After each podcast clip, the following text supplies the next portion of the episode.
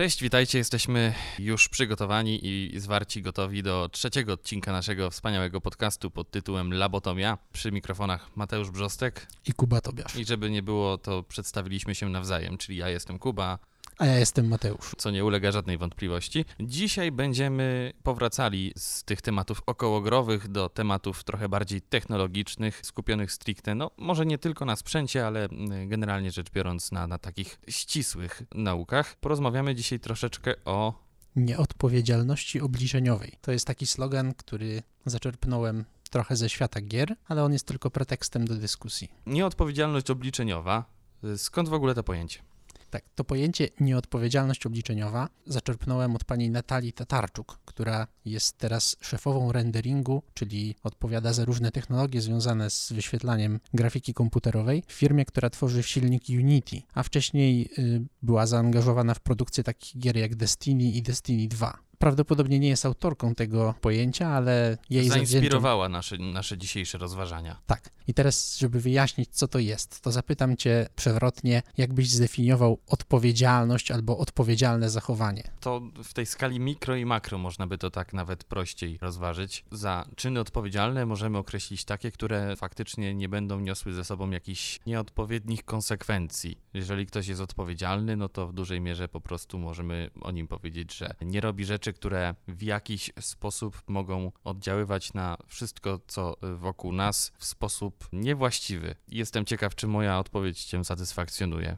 Pewnie nie. To ja wyjaśnię, że dzisiaj chodzi nam nie o taką odpowiedzialność, na przykład karną, albo odpowiedzialność taką, jaką ma się w różnych organizacjach, tylko chodzi nam o świadomość nieuchronnych konsekwencji jakiegoś działania i gotowość do poniesienia tych konsekwencji. Czyli powinniśmy różne rzeczy robić świadomie i wiedząc, czym to grozi, albo po prostu czym to poskutkuje. Nieodpowiedzialność obliczeniowa odnosi się do tego, że, czy raczej odpowiedzialność obliczeniowa do tego, że prowadząc obliczenia, a tak naprawdę na co dzień wszyscy to robimy, bo każdy korzysta z jakiejś maszyny obliczeniowej, z jakiegoś komputera, niektórzy z wielu, bo mają kieszonkowy komputer w postaci smartfona, powinniśmy to robić odpowiedzialnie. Czyli przede wszystkim wiedząc, y, jakie są konsekwencje, jak to działa. Nie trzeba oczywiście znać szczegółów, ale przynajmniej z grubsza warto wiedzieć, co się dzieje. I wspominam o tym dlatego, że w innych strefach naszej działalności zwykle się staramy być odpowiedzialni. Przynajmniej taka jest moda. Nie wiem, czy wielu ludzi jest do tego szczerze przekonanych, ale chyba wszyscy zgodziliby się w otwartej dyskusji, że to rzeczywiście coś wartego uwagi. W codziennym życiu staramy się na przykład zakręcać wodę myjąc zęby, nie używać za dużo plastikowych toreb, sortować śmieci, nie marnować prądu, rozsądnie ogrzewać. Takie reklamy są w Warszawie y, zawsze w zimowym sezonie i myślę, że obliczenia można by było podłączyć do tej naszej działalności. No tak, mamy przecież, tak jak powiedziałem, to możemy rozważać w skali mikro i makro. Y, w skali makro, na przykład w trosce o nasze y, środowisko naturalne, to jest tak jak mówiłeś, nie marnujemy wody, staramy się jak najwięcej takich y, materiałów używać, które można poddać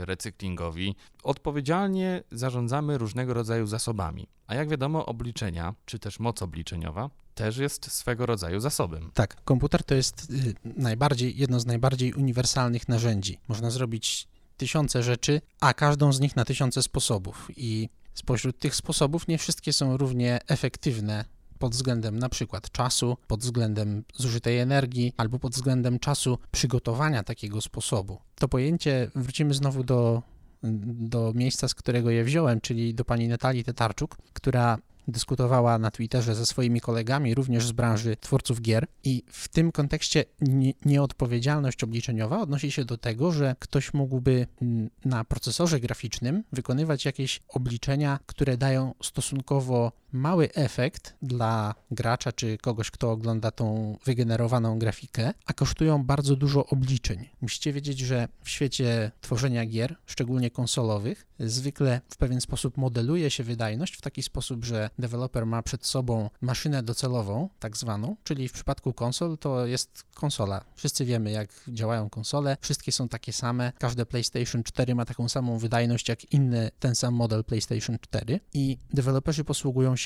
budżetem y, liczonym w czasie, czyli żeby wygenerować następną klatkę obrazu, mają dokładnie 16,6 milisekundy, albo na przykład 33 milisekundy, jeśli to ma być gra, która działa z płynnością 30 klatek na sekundę. I jeśli wymyślą jakiś nowy efekt graficzny i sprawdzają, ile kosztuje jego obliczenie, jego wyświetlenie, to posługują się zwykle czasem. Czyli można się domyślić, że efekt, którego obliczanie będzie trwało 1 milisekundę, Zabierze sporą część tego czasu, który możemy poświęcić na wygenerowanie tej jednej klatki. Dokładnie. I dlatego rzeczy nieodpowiedzialne obliczeniowo to dla deweloperów gier są takie, które niewiele zmieniają wizualnie, ale kosztują bardzo dużo czasu i energii. Natomiast ja proponuję rozszerzyć ten koncept na różne inne y, obliczenia, dlatego że przecież optymalizacja oprogramowania, czyli właśnie staranie się, żeby oprogramowanie było jak najbardziej efektywne i jak najszybciej, jak najwydajniej działało, to jest właśnie próba usunięcia takiej nieefektywności obliczeniowej. To nie jest oczywiście nowy koncept. Mm, Najłatwiej zauważyć, y, że to dążenie do jak najbardziej odpowiedzialnego wykorzystania mocy obliczeniowej czy czasu jakichś komputerów. Najłatwiej to chyba zauważyć w superkomputerach, y, w różnych miejscach czy organizacjach, które przetwarzają ogromne ilości danych. Y, Wszystkie naukowe czy rządowe komputery wykorzystuje się bardzo skrupulatnie,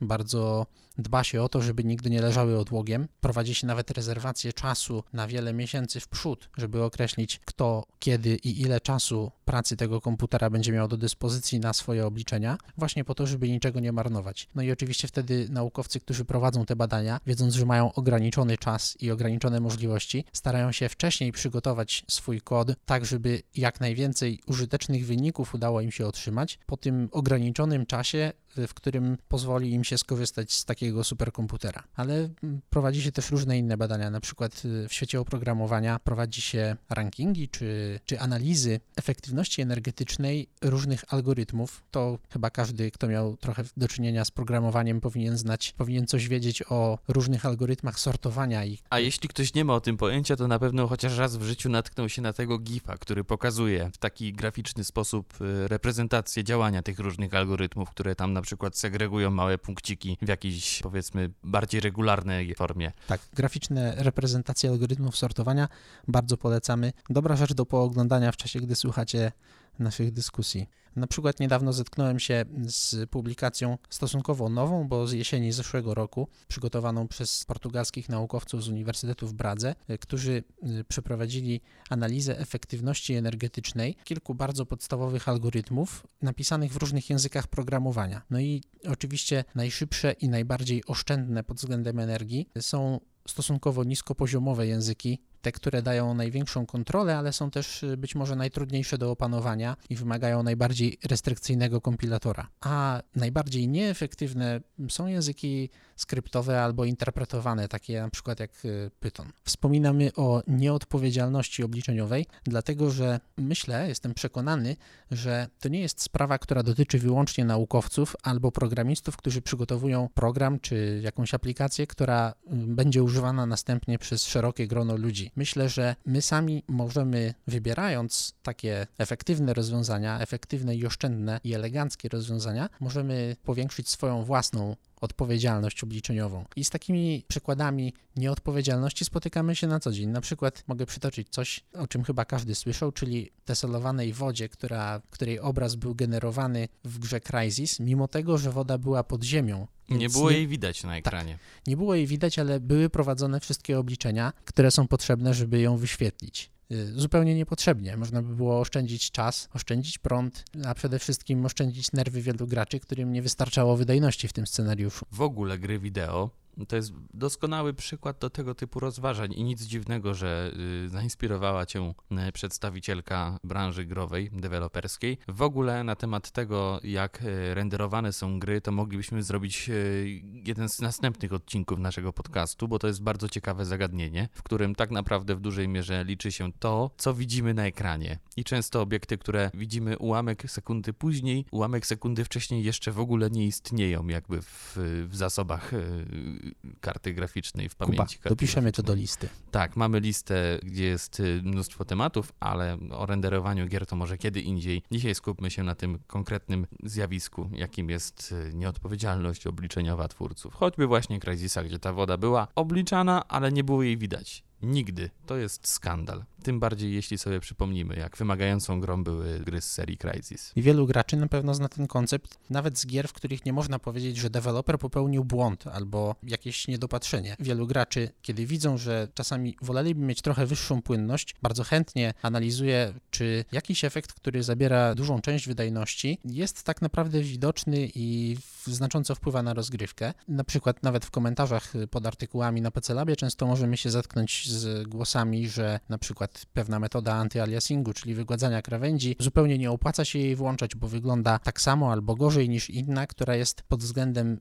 wydajności tańsza, czyli zajmuje mniej czasu, mniej zasobów komputera. Ale to nie dotyczy tylko gier. Jest cała masa oprogramowania użytkowego, takiego jak, nie wiem, encodery wideo, programy jako, do kompresowania plików. Jako użytkownik Adobe coś na ten temat wiem. No właśnie, tak się składa niefortunnie, że pakiet Adobe jest, y, czy Adobe, jak to mówi Kuba, jest y, takim dużym zbiorem, kolekcją programów, mniejszych programów i a w nich różnych procedur i algorytmów, które powstały w różnych czasach, w różnych firmach, które zostały następnie kupione przez Adobe. Złośliwi właśnie chciałem do tego zmierzyć, że złośliwi twierdzą, że Adobe wszystko co dobre ma w swoim pakiecie, to kupiło gdzieś po drodze, no ale... a sami nie potrafią niczego napisać, a broń Boże już później to ulepszyć. Niefortunny skutek tego jest taki, że wiele rzeczy rzeczy, wiele procedur pochodzi z dość starych czasów i do dziś nie zostało zaktualizowanych i, i jakby wciągniętych w XXI wiek. I na przykład nie obsługują e, multiwątkowych procesorów. No właśnie. Myślę, że wykonywanie jakiegokolwiek algorytmu, jakichkolwiek obliczeń, które da się wykonać wielowątkowo, robienie ich dzisiaj za pomocą jednowątkowego algorytmu, to jest naprawdę rażący przykład nieodpowiedzialności. Notorycznie się z tym spotykam na co dzień, pracując w takich programach jak After Effects czy Adobe Premiere. Nie ukrywajmy, optymalizacja nie jest najmocniejszą stroną, jeśli chodzi o akurat te aplikacje. Myślę, że doskonale y,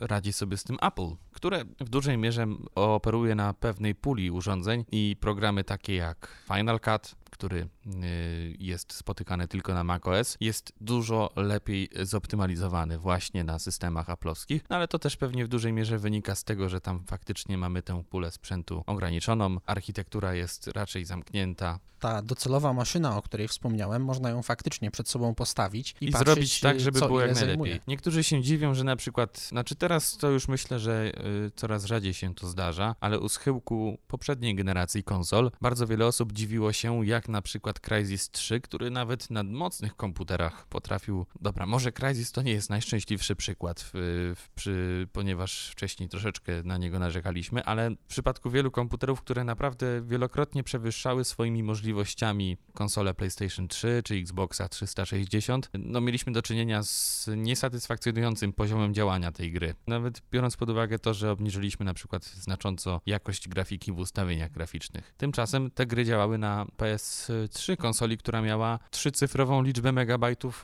y, pamięci RAM. Procesor co prawda mocny i ceniony y, w wielu różnych zastosowaniach. No nie ukrywajmy, w momencie premiery Crysisa 3 y, PS3 miało, ma już, miało już kilka dobrych lat na, na karku. Tak samo Xbox 360, premiera w 2005 czy 2005 roku chyba. A można na nim pograć nawet w GTA 5. Ja sam w GTA 5 ukończyłem na PlayStation 3. Tak czy siak problem optymalizacji, szczególnie gier, jest na pewno związany z, właśnie z odpowiedzialnością obliczeniową, ale to są jednak dwa różne problemy. Między innymi dlatego, że na niektórych maszynach, szczególnie na PC-tach, które, tak jak Kuba powiedział, mają bardzo szeroką gamę sprzętu i nie ma jednej docelowej maszyny, docelowej konfiguracji, takiej, że twórca czy programista mógłby założyć, że wszyscy będą mieć taką właśnie, tego, tego problemu nie da się rozwiązać w łatwy sposób sposób, ale tak jak wspomnieliśmy na przykład o jednowątkowych algorytmach albo o procedurach, które mogłyby wykorzystywać, wykonywać obliczenia na procesorze graficznym, a tego nie robią, wydaje mi się, że wtedy już można powiedzieć, użyć słowa nieodpowiedzialność, bo przecież jednowątkowych procesorów w użyciu praktycznie już nie ma. Podobnie y, jest niesłychanie mało kart graficznych, które są w ciągłym użytku i są tak stare, że nie obsługują żadnego, żadnego prostego systemu prowadzenia obliczeń ogólnego przeznaczenia na procesorze graficznym przykład OpenCL albo ten problem nieodpowiedzialności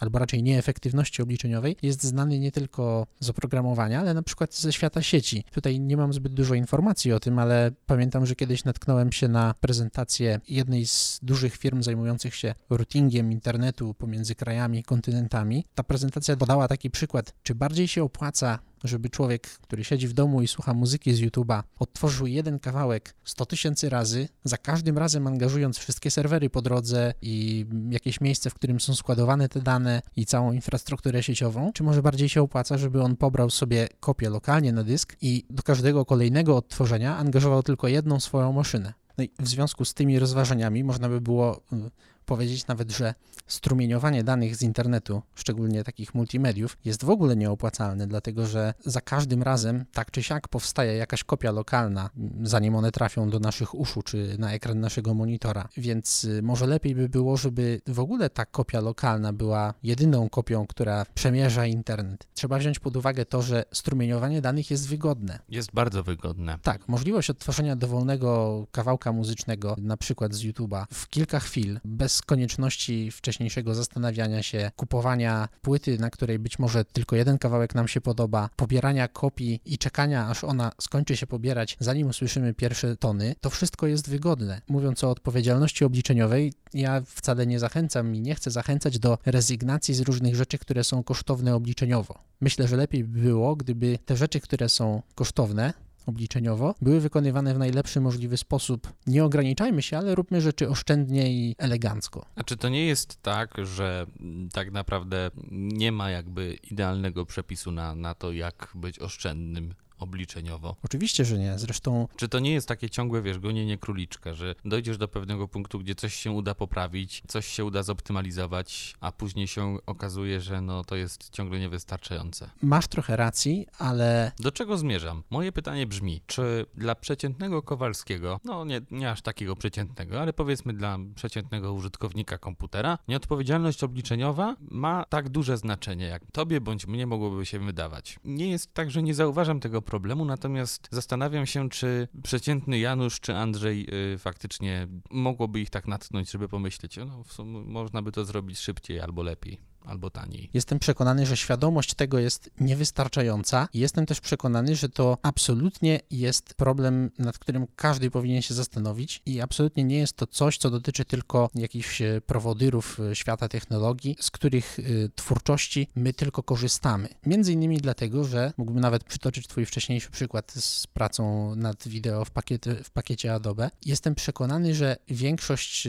takich optymalizacji, które poczynimy, przyniesie też pewien zysk czy skutek nam osobiście w trakcie naszej pracy z komputerem. Pytanie było takie prowokacyjne, ale wybrnąłeś z niego i mamy podobny chyba tok myślenia w tej, y, w tej materii. Nieodpowiedzialność bądź odpowiedzialność obliczeniowa to jest rzecz, której zasady działania możemy analogicznie przenieść do bardzo wielu dziedzin naszego życia. Począwszy od tego zakręcania wody, czy też po prostu wyłączania światła w pokoju, gdzie nie przebywamy, aż po taką właśnie optymalizację i myślę, że to jest też bardzo szerokie zagadnienie i nie ma co tutaj teraz do niego płynnie przechodzić, bo i tak nam się nie uda. Natomiast wydaje mi się, że jeżeli ktoś z Was ma pracę taką, którą wykonuje przy komputerze i w dużej mierze polega ona na, na tworzeniu czegoś, taką kreatywną pracę, to gorąco wszystkich zachęcam do tego, aby oprócz tego, że robicie swoje zadania, żebyście poświęcali też pewną dozę czasu na to, żeby te zadania optymalizować, tak żeby Wasza praca przez 8 godzin dziennie nie była po prostu pracą przez 8 godzin dziennie, bo e, koniec końców to może być praca, którą będziecie wykonywać 6 godzin dziennie albo 4. Wystarczy może tylko przestawić troszeczkę jedną wajchę, tu pokrętło, coś zrobić w taki sposób, żeby można było coś robić szybciej, sprawniej, lepiej. No i oczywiście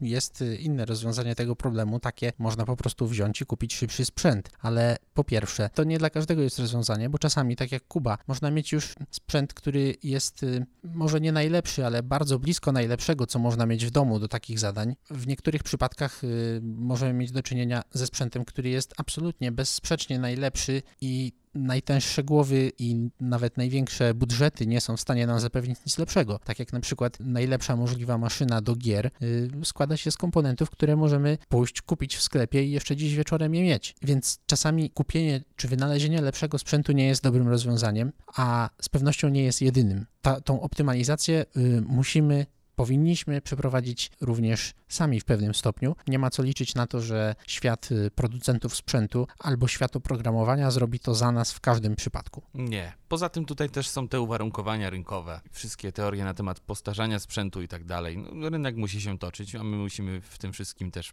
swoją drogą u- u- uczestniczyć. Wśród użytkowników Adobe właśnie bardzo często różnego rodzaju teorie spiskowe na temat tego, że no specjalnie się zwalnia ten, y, s- y, ten, ten y, starsze czy nowsze wersje tak, żeby ludzie na przykład nie kupowali już pudełkowego CS6, tylko żeby korzystali z tego CC, który jest już dostępny tylko w usłudze y, subskrypcyjnej i trzeba za niego co miesiąc płacić. Oczywiście na dłu- dłuższą metę to jest dużo droższe y, i tak dalej. Naszą dyskusję możemy krótko podsumować w taki sposób, że powinniśmy czuć się w pewien sposób, być może niezbyt poważnie, ale chociaż troszkę odpowiedzialni za to, w jaki sposób wykonujemy różne obliczenia. A pamiętajcie, że prawie wszystko, co robicie z wykorzystaniem jakiegoś cyfrowego ekranu, to są obliczenia. I tym kończymy dzisiejsze nasze mm, rozważania. Jeśli macie coś do dodania w tym temacie, to serdecznie zapraszamy do komentowania pod spodem. Jestem przekonany, że na pewno mm, możecie swój wkład jakiś mieć e, w ten temat i mam e, gorącą nadzieję, że roz- rozwinie się z tego jakaś e, ciekawa dyskusja. Oczywiście prosimy Was również o opinie na tematy techniczne związane z naszym podcastem. A na dziś to wszystko. Za uwagę dziękuję Wam Mateusz Brzostek. I Kuba Tobiasz. Do usłyszenia w kolejnym odcinku.